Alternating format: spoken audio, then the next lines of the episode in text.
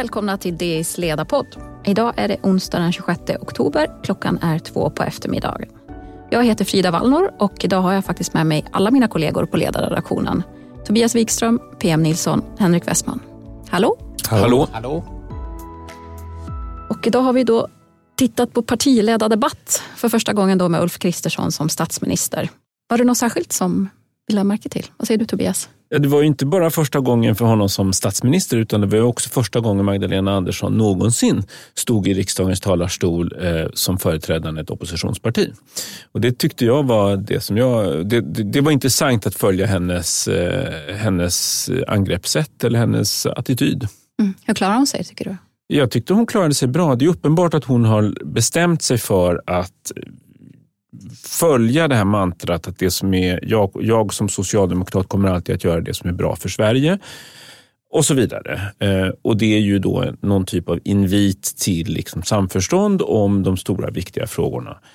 Eh, kriminalitet, eh, utrikespolitik, säkerhetspolitik och sådana där saker. Och konfliktlinjerna med Kristersson höll hon uteslutande kring den ekonomiska politiken.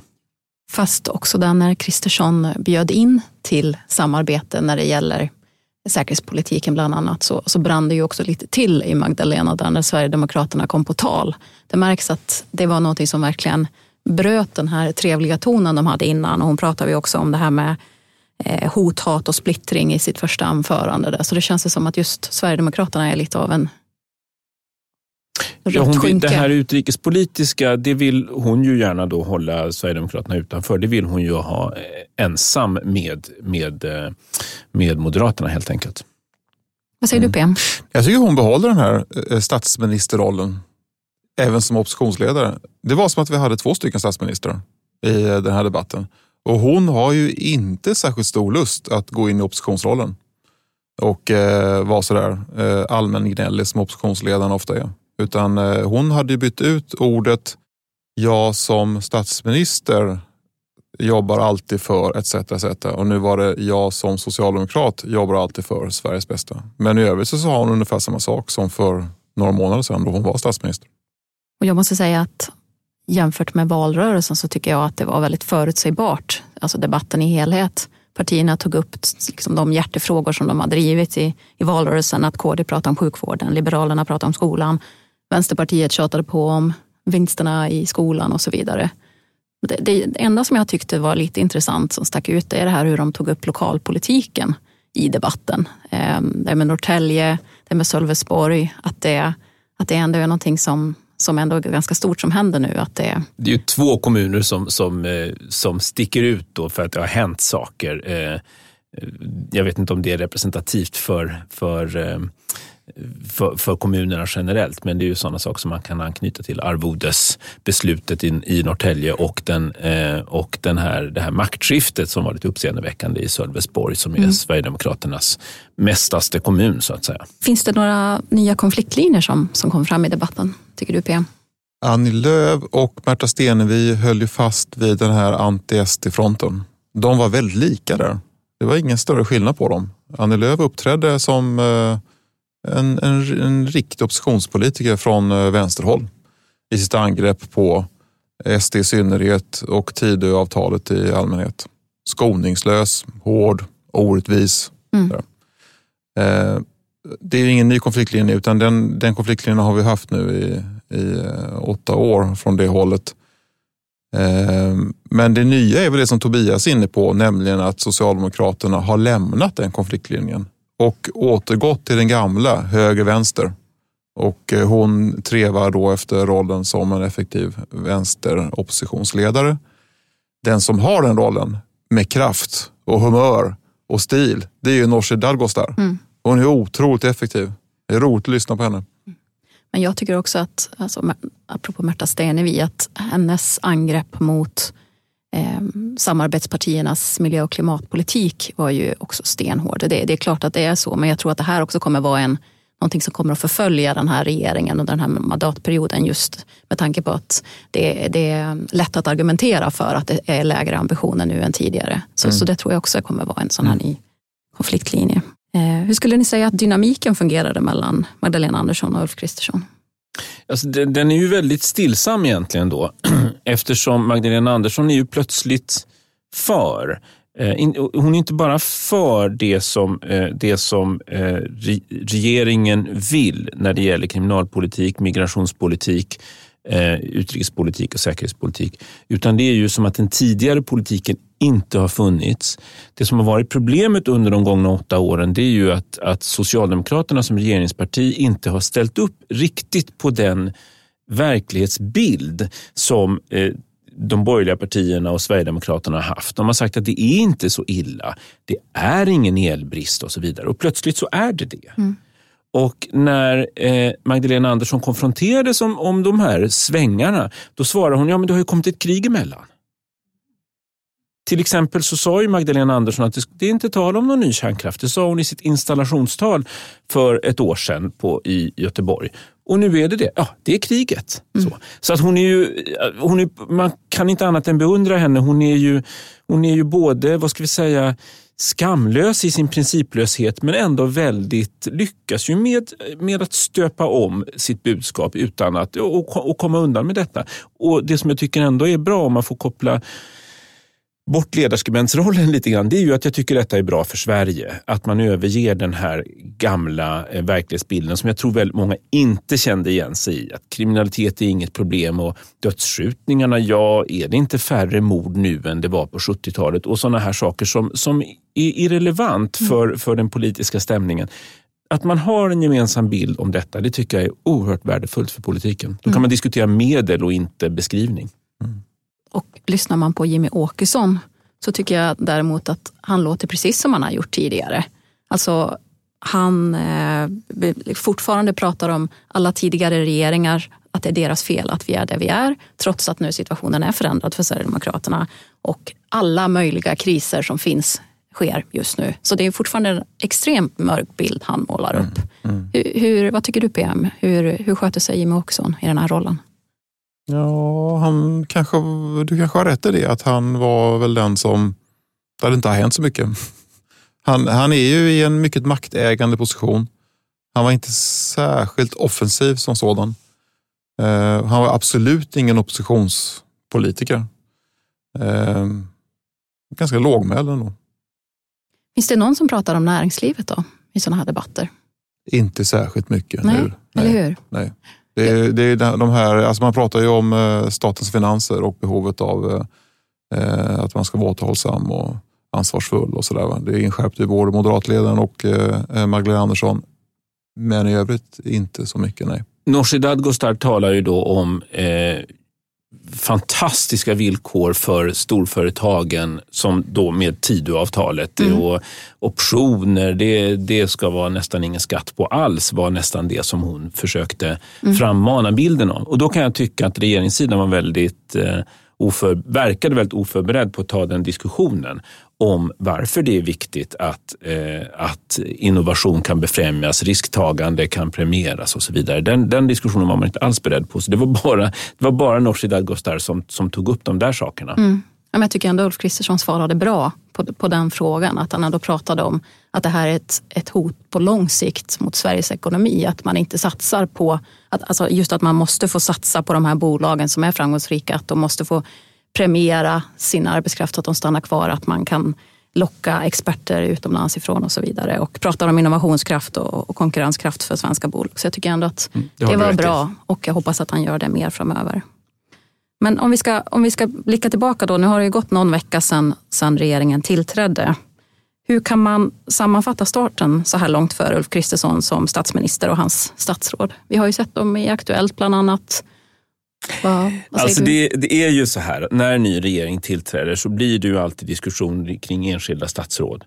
Och då har vi då en, en miljö och klimatminister som eh, kommer från, så att säga, som dels är ung och sen så kommer hon från, eh, vad ska vi säga, den förlorande sidan i, i, i Liberalernas interna debatt om regeringsvägval.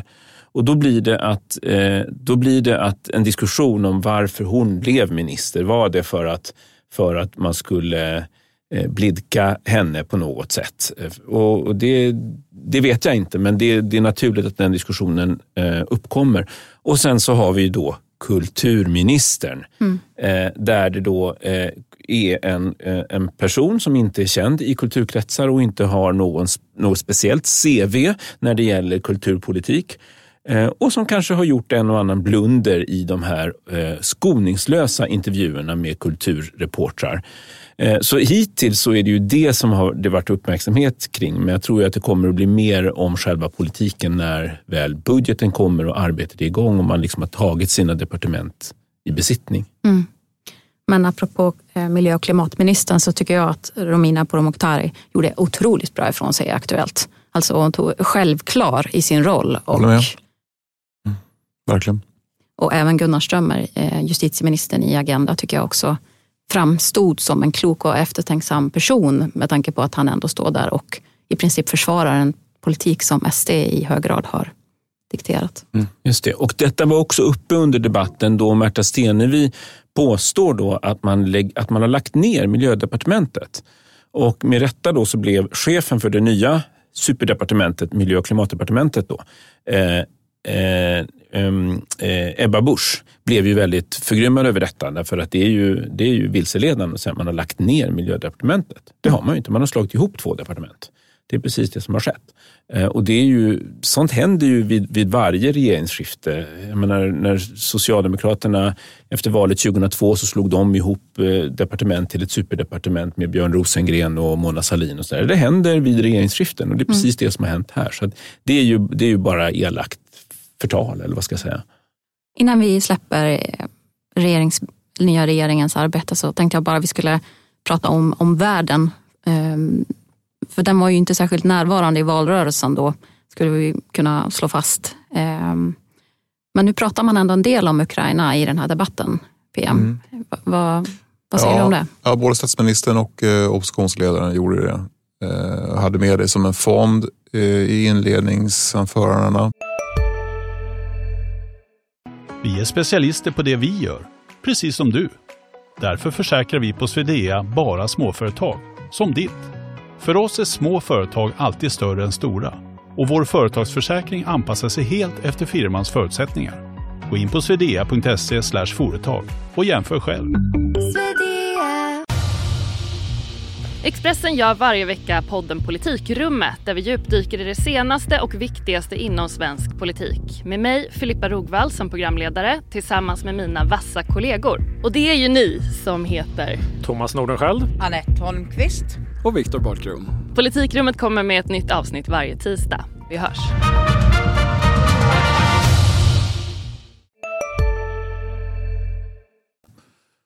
Um det, är, det är svår, alltså det, dels är det svårbedömt hur läget är i Ukraina, men det har ju under veckan som gått blivit eh, eh mer allvarligt i konfrontationen och hoten om smutsiga eh, bomber och sådär har varit mer accentuerat. Eh, så det kan hända att det finns eh, omständigheter där som gör att eh, eh den svenska regeringen liksom opererar i en mycket mer allvarlig miljö nu och det är det som märks. Mm.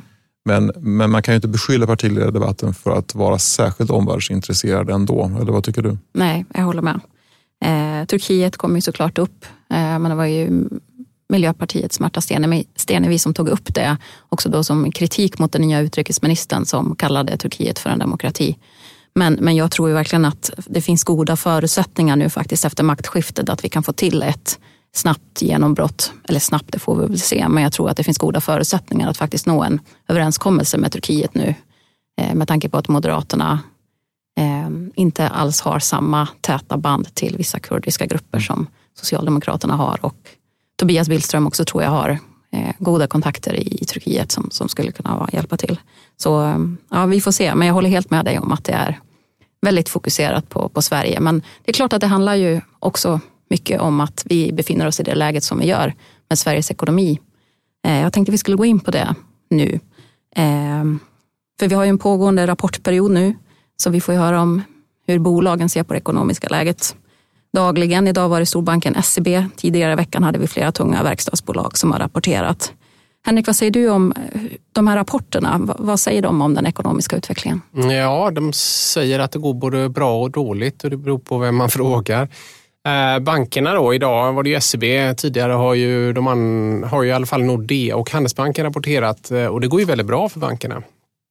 Och, eh, och det gör de ju för att vi har ett högre ränteläge och i ett högre ränteläge så kan bankerna ta ut högre marginaler på sina bolån.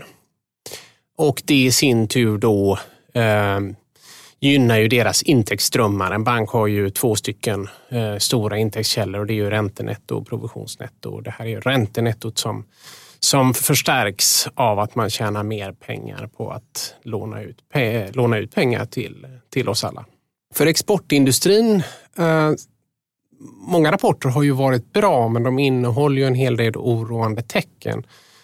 Och kanske är SKF det tydligaste exemplet på att eh, den jobbiga verklighet som vi nu är mitt uppe i faktiskt håller på att komma ikapp företagen. Mm. Eh, resultatet sjönk ju kraftfullt, lönsamheten minskade eh, och eh, vd Rickard Gustafsson pekar ju bland annat ut höga energikostnader och höga eh, priser på stål och annat material. Mm. Och det i sin tur eh, gör ju att då måste bolagen spara. Eh, och SKF då eh, talade ju igår om personalminskning på ungefär mm. tusen mm. personer, tjänstemän runt om i Europa, bland annat i Sverige. Eh, I förra veckan hade vi Husqvarna som gör ju såna här robotgräsklippare bland annat de ska också minska personalen med tusen personer och sen har vi ju det då viktiga Ericsson som, som också ska spara pengar och det kommer också inkludera personalneddragningar. Och det här är ju, det är ju intressant eh, tycker jag för att eh, arbetsmarknaden har ju stått emot väldigt, väldigt väl mm. hittills. Mm. Men nu ser det ju ut som att det faktiskt viker nedåt och arbetslösheten ökar. Men samtidigt så kommer det ju tecken också om vi tittar globalt att fraktpriserna har börjat gått ner, gaspriserna har gått ner ganska rejält. Ja. Kan man ändå tänka sig att vi börjar närma oss att, att inflationen har toppat? Ja, Nej, men det är ju så med de priserna att de, de är ju intressanta. De är intressanta som, som vad ska man säga, signal för vart konjunkturen är på väg. Men de är också intressanta som signal för vart ehm, inflationen är på väg. Eh, och där har ju fraktpriserna då, de, det kostade ungefär 10 000 dollar att skeppa en container från Kina till USA eh, under pandemin då, ehm, då vi shoppade som allra mest och problemen var som störst eh, i försörjningskedjan.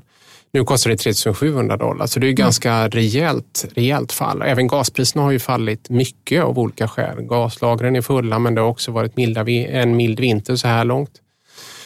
Um, och Det är ju positivt på det sättet att det, det, minskar ju det här inflationstrycket som plågar oss alldeles enormt och förhoppningsvis kommer vi nu få månader då prisökningstakten blir lägre och inte slår ett nytt rekord igen. Mm det här sker ju alltså då när, när den nya regeringen ska lägga fram sin budget om två veckor är det va, nu.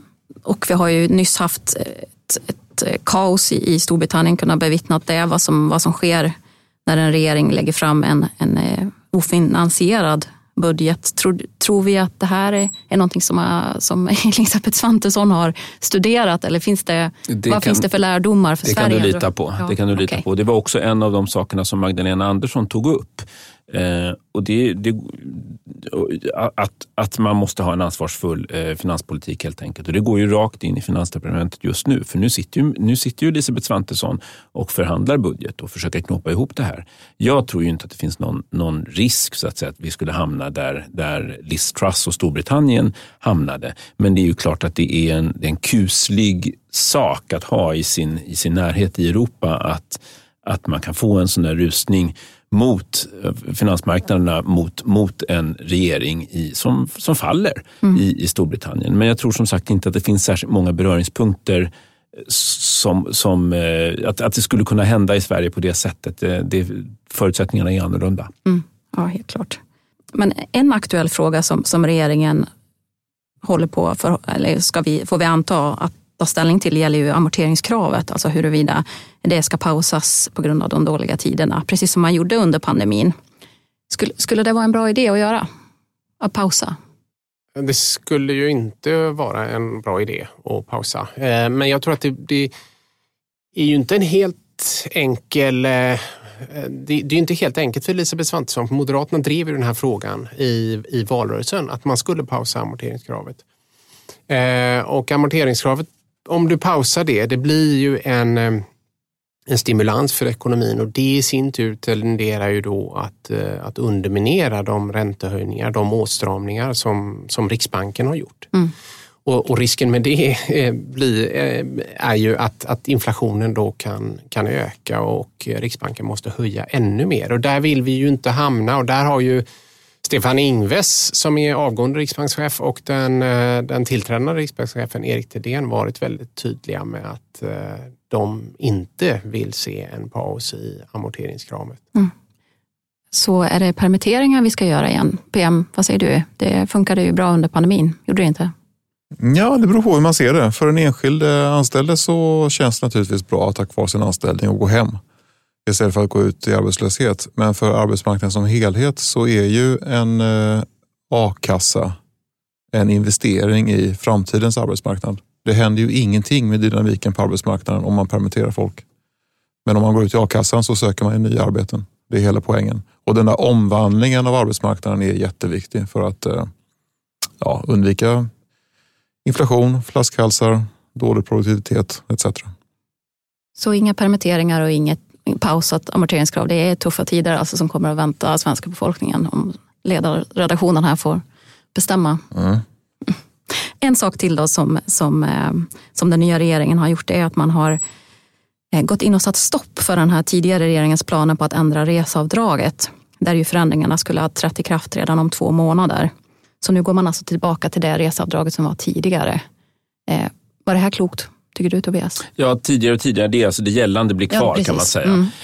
Eh, ja, men jag tror att det var klokt. Det var visserligen sju av åtta partier som stod bakom det här nya reseavdraget som då ska bygga på att man, på att man räknar avstånd oavsett färdmedel. Det skulle så att säga eh, man ska inte tjäna någonting på att åka bil var, till jobbet var ju, var ju tanken.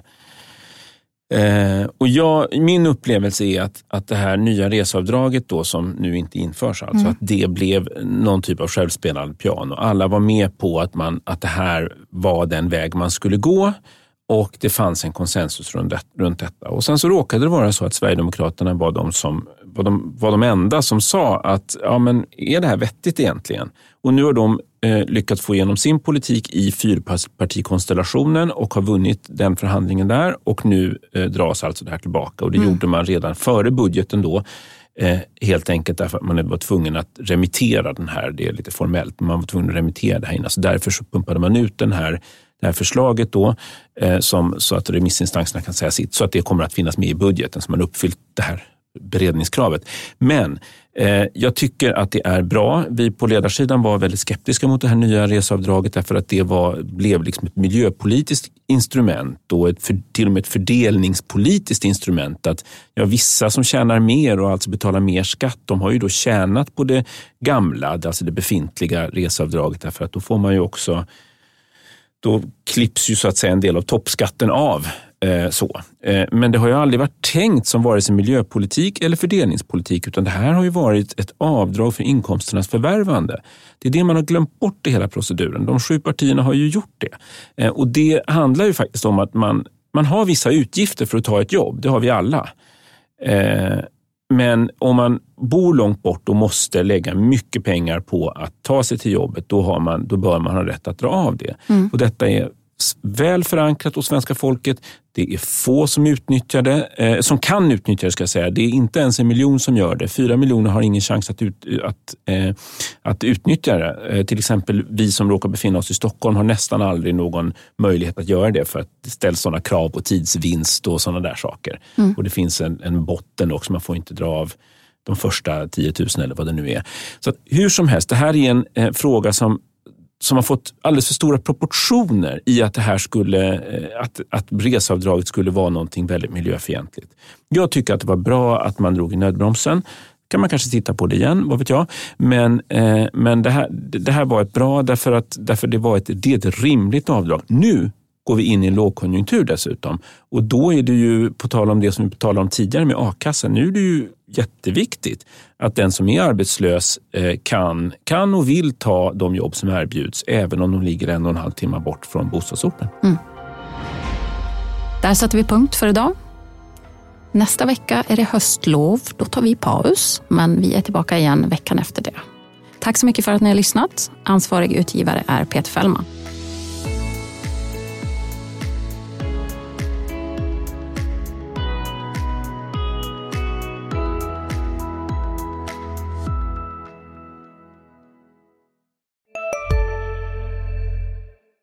Hej, Synoptik här. Hos oss får du hjälp med att ta hand om din ögonhälsa. Med vår synundersökning kan vi upptäcka både synförändringar och tecken på vanliga ögonsjukdomar. Boka tid på synoptik.se. Hej, Susanne Axel här. När du gör som jag och listar dig på en av Krys vårdcentraler får du en fast läkarkontakt som kan din sjukdomshistoria. Du får träffa erfarna specialister, tillgång till lättakuten och så kan du chatta med vårdpersonalen. Så gör ditt viktigaste val idag, lista dig hos Kry.